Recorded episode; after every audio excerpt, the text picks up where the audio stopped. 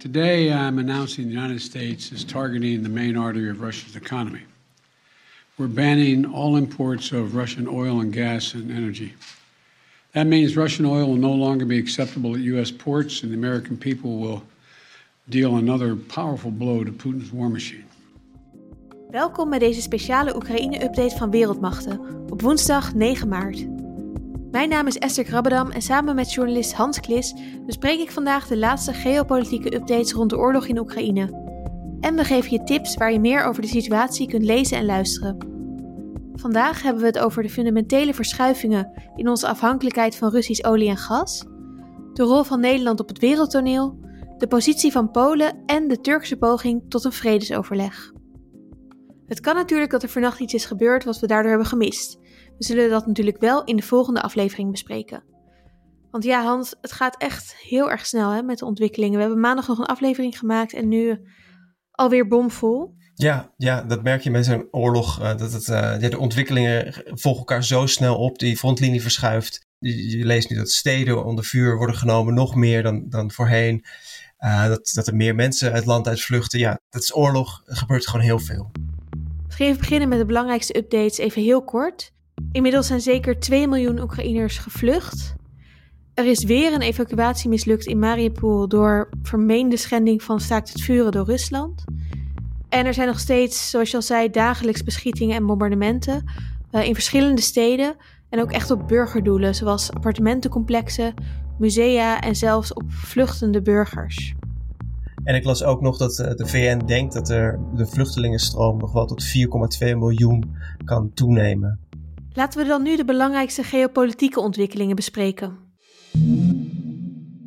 Groot nieuws gisteren. Een aantal persconferenties van, uh, van wereldleiders die aankondigen dat er grote veranderingen gaan komen in de afhankelijkheid die we nu hebben van Russisch gas en olie. Want dat is eigenlijk natuurlijk een van de redenen dat we ja, nog steeds, je zou kunnen zeggen, deels die oorlog aan het financieren zijn. Um, wat is er precies gebeurd? Gisteravond maakte de Amerikaanse president Joe Biden bekend dat de Verenigde Staten stoppen met het importeren van Russisch olie en gas. En dat is uh, eigenlijk een hele grote, grote aankondiging. Zeker omdat uh, de EU en landen als Nederland, Duitsland en uh, het Verenigd Koninkrijk eigenlijk nog niet bereid waren om die, om die stap te nemen. Maar nu Amerika neemt die eerste stap. En al heel snel kwamen daar uh, achteraan berichten dat ook het Verenigd Koninkrijk uh, voor het einde van het jaar twee derde van uh, de energieimport uit Rusland stop wil zetten. En ook de EU heeft nu een plan, wat zij op donderdag en vrijdag gaan bespreken in Versailles, waar Europese leiders samenkomen, om ook voor het einde van het jaar zo snel mogelijk eigenlijk onafhankelijk te worden van uh, Russische energie. Voor het einde van het jaar is het natuurlijk niet heel snel, maar het gaat natuurlijk ook om hele grote verandering. Ja, klopt. Want uh, bijvoorbeeld de uh, Verenigde, Verenigde, Staten die importeert maar iets van 3% Russische olie voor, van totaal van energie. En Euro Europa is voor 40% afhankelijk van Rusland. Ja, dat is best wel veel. Er is natuurlijk al heel lang een roep om een energietransitie eigenlijk, maar dan vanuit klimaatoverwegingen. Dus minder gas en olie en meer naar bijvoorbeeld windenergie en dat soort dingen.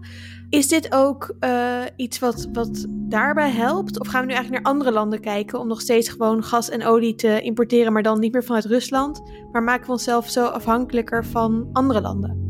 Ja, als ik het goed begrijp, zullen landen in, op de korte termijn vooral op zoek gaan naar alternatieven voor Russische energie. Uh, je ziet bijvoorbeeld al dat de Verenigde Staten de banden aanhaalt met olieproducent Venezuela. om daar bijvoorbeeld um, olie vandaan te halen. Dat zul je ook waarschijnlijk in Europa zien. Maar het lijkt er wel een beetje op alsof die, die, ja, die hele oorlog in Oekraïne ervoor zorgt dat die energietransitie een stuk sneller gaat. En dat klimaatverandering is niet die katalysator kennelijk, maar wel die, die oorlog. Je, zult waarschijnlijk gaan zien dat de EU veel meer gaat inzetten op duurzame energie. Maar ook vooral vanwege uh, die strategische autonomie die ze zoeken eigenlijk van grote landen als Rusland, maar ook bijvoorbeeld Amerika. Dus dit is en misschien wel goed nieuws voor de aarde, maar het kan ook echt een grote geopolitieke verschuiving veroorzaken waarin misschien ja, de EU bijvoorbeeld minder afhankelijk is van andere grote blokken en wat meer op zichzelf komt te staan.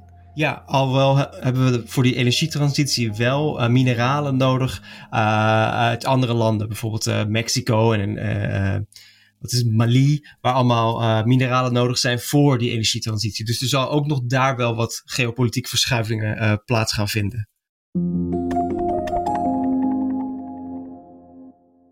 Dan even over de rol van Nederland. Our countries have always been closely linked. And in times of crisis, in times of war, we stand shoulder to shoulder. And so today, as war and violence once again cast a dark shadow over Europe, we are working together for peace and security on the European continent. Maandag was Rutte in het Verenigd Koninkrijk, waar Justin Trudeau, de president van Canada, ook aanwezig was, minister-president. En daar hadden Trudeau, uh, Rutte en Johnson een, uh, een onderonsje van overleg. Ik vond het zelf best bijzonder dat, dat Rutte daarbij was. Toch niet helemaal hetzelfde soort formaat, wereldleider misschien, maar goed. Uh, waar denk je dat ze het over gehad hebben? Wat ik heb begrepen uit The Guardian en de BBC, ging het daar vooral om om steun voor Oekraïne uit te stralen, eigenlijk uit te spreken. En ook was het voor het Verenigd Koninkrijk heel belangrijk om met Rutte te overleggen, omdat het Verenigd Koninkrijk wil meer eigen gas en olie gaan produceren. om dus zelfstandig, onafhankelijk te zijn van de rest van de wereld. En daarvoor zal geboord moeten worden in de Noordzee. En dan begrijp je wel dat hij daar met Rutte over praat. Justin Trudeau die is op een vierdaagse tour uh, door Europa. Hij uh, deed Londen aan, maar hij bezoekt ook de Baltische Staten en, en, en Polen. Dus Justin Trudeau is vooral bezig ook om ja, ook zich te laten zien in het conflict in Oekraïne. Rutte is zich sowieso aan het proberen volgens mij ook een beetje te profileren of te mengen in ieder geval in, in de ontwikkelingen hierover. Um, hij had dinsdag een overleg met Europese leiders, een online overleg ter voorbereiding op, op de top, waar we het eerder ook over hadden, die eind deze week plaatsvindt. Um, en daarna ging hij bellen met Zelensky, de um, Oekraïense president. En wat wel grappig was, vond ik, of grappig, nou ja, interessant, is dat uh, hij zelf op Twitter trots sprak van, nou, ik, ik, sprak net met Zelensky en het was een hartstikke goed gesprek. En ik heb hem toegezegd dat wij um, nou ja, vluchtelingen goed zullen opvangen en dat we klaarstaan om ze te helpen. Toen twitterde Zelensky ook over dat hij uh, Rutte had gesproken. En daarin zei hij ook dat hij Nederland heeft bedankt voor nou ja, de, de, sancties en de druk op Rusland. Maar ook voor het support voor de toetreding van Oekraïne aan de EU. En dat is natuurlijk wel opmerkelijk, omdat we daar juist Nederland zich helemaal nog niet voor heeft uitgesproken. Sterker nog, Rutte heeft begin deze week ook al gezegd dat we niet voor die toetreding zijn, omdat het een escalatie kan betekenen in de oorlog, of in ieder geval voor Poetin. Ik weet niet precies wat daar besproken is, precies wat daar mis is gegaan, maar ik denk ja, dat Zelensky natuurlijk ook heel erg graag uitstraalt dat hij geholpen wordt en dat hij, dat hij steun vindt bij de, bij de internationale gemeenschap en dan bijzonder de EU. Ja, ik vond het ook wel weer laten zien dat communicatie als Twitter dat er ook nog eens bij komt. Um, tussen die, die wereldleiders of, of nou ja, uh, best wel precair is. En dat het niet voor niets is dat er vaak nog een diplomatiek uh, laagje tussen zit misschien. We hadden het er net al over. Er is echt een enorme vluchtelingenstroom uh, op gang gekomen. En dat gaat alleen maar meer worden de komende dagen. En Polen is op dit moment het land dat de meeste vluchtelingen opvangt. Er zijn ook uh, berichten dat uh, bijvoorbeeld Amerika via Polen wapens of vliegtuigen aan, naar Oekraïne wil brengen. Um, Hans, wat, wat doet dit voor de positie van Polen in de wereld? Nou, allereerst uh, neemt Polen inderdaad heel veel vluchtelingen op. Uh, zijn al 1 miljoen van de 2 miljoen die, er, die uit Oekraïne zijn ontvlucht. En uh, inderdaad, omdat het, het, land grenst aan Oekraïne, neemt, is het een logistieke hub geworden voor allerlei wapenleveranties aan Oekraïne. en dat zorgt ervoor dat Polen ja, bepaalde risico's draagt voor, voor die internationale gemeenschap, die, wat wil betekenen in, in Oekraïne. En het betekent dus ook dat ja, Polen, eigenlijk het zwarte schaap van de EU, uh, zoals we dat de afgelopen jaren eigenlijk hebben meegemaakt, dat het, ja, die positie sterker wordt. Omdat het meer kan verlangen straks. De EU ruziet al heel lang met Polen, omdat het, de persvrijheid staat er onder druk. Het is een nationalistische regering die niet zoveel op heeft met de, de Europese rechtsstaat. Deze functie die Polen nu vervult, kan ervoor zorgen dat het ja, uh, sterker eigenlijk staat in, binnen de EU. Dat, het, dat andere landen ook vriendelijker zullen zijn tegenover de EU, omdat het zoveel uh, risico's neemt. Ja, want ik kan me nog grote protesten herinneren tegen bijvoorbeeld de abortuswetwijziging uh, in, Polen. En allemaal stevige woorden van EU-leiders dat dit absoluut niet kon, nationalistische regering. Maar die um, zorgen en die stevige woorden, die, uh, die lijken dus een beetje ja, weggemoffeld te worden. Ja, die zijn nu even weggemoffeld omdat Polen zo'n zo belangrijke speel is eigenlijk nu in die internationale acties. En je ziet eigenlijk al wat voor gevaren Polen loopt. Uh, ik las een bericht bij uh, ABC News dat, dat er vorige week al een, een Russische spion in, bij de oostgrens van Polen is gearresteerd. Dus ja, Polen loopt best wel wat risico's door wapens te leveren aan Oekraïne. Ook goed nieuws, in ieder geval uh, hoopvol. Rusland en Oekraïne lijken donderdag verder te gaan praten over een mogelijk einde van de oorlog. Uh, op uitnodiging van de Turkse president in Turkije.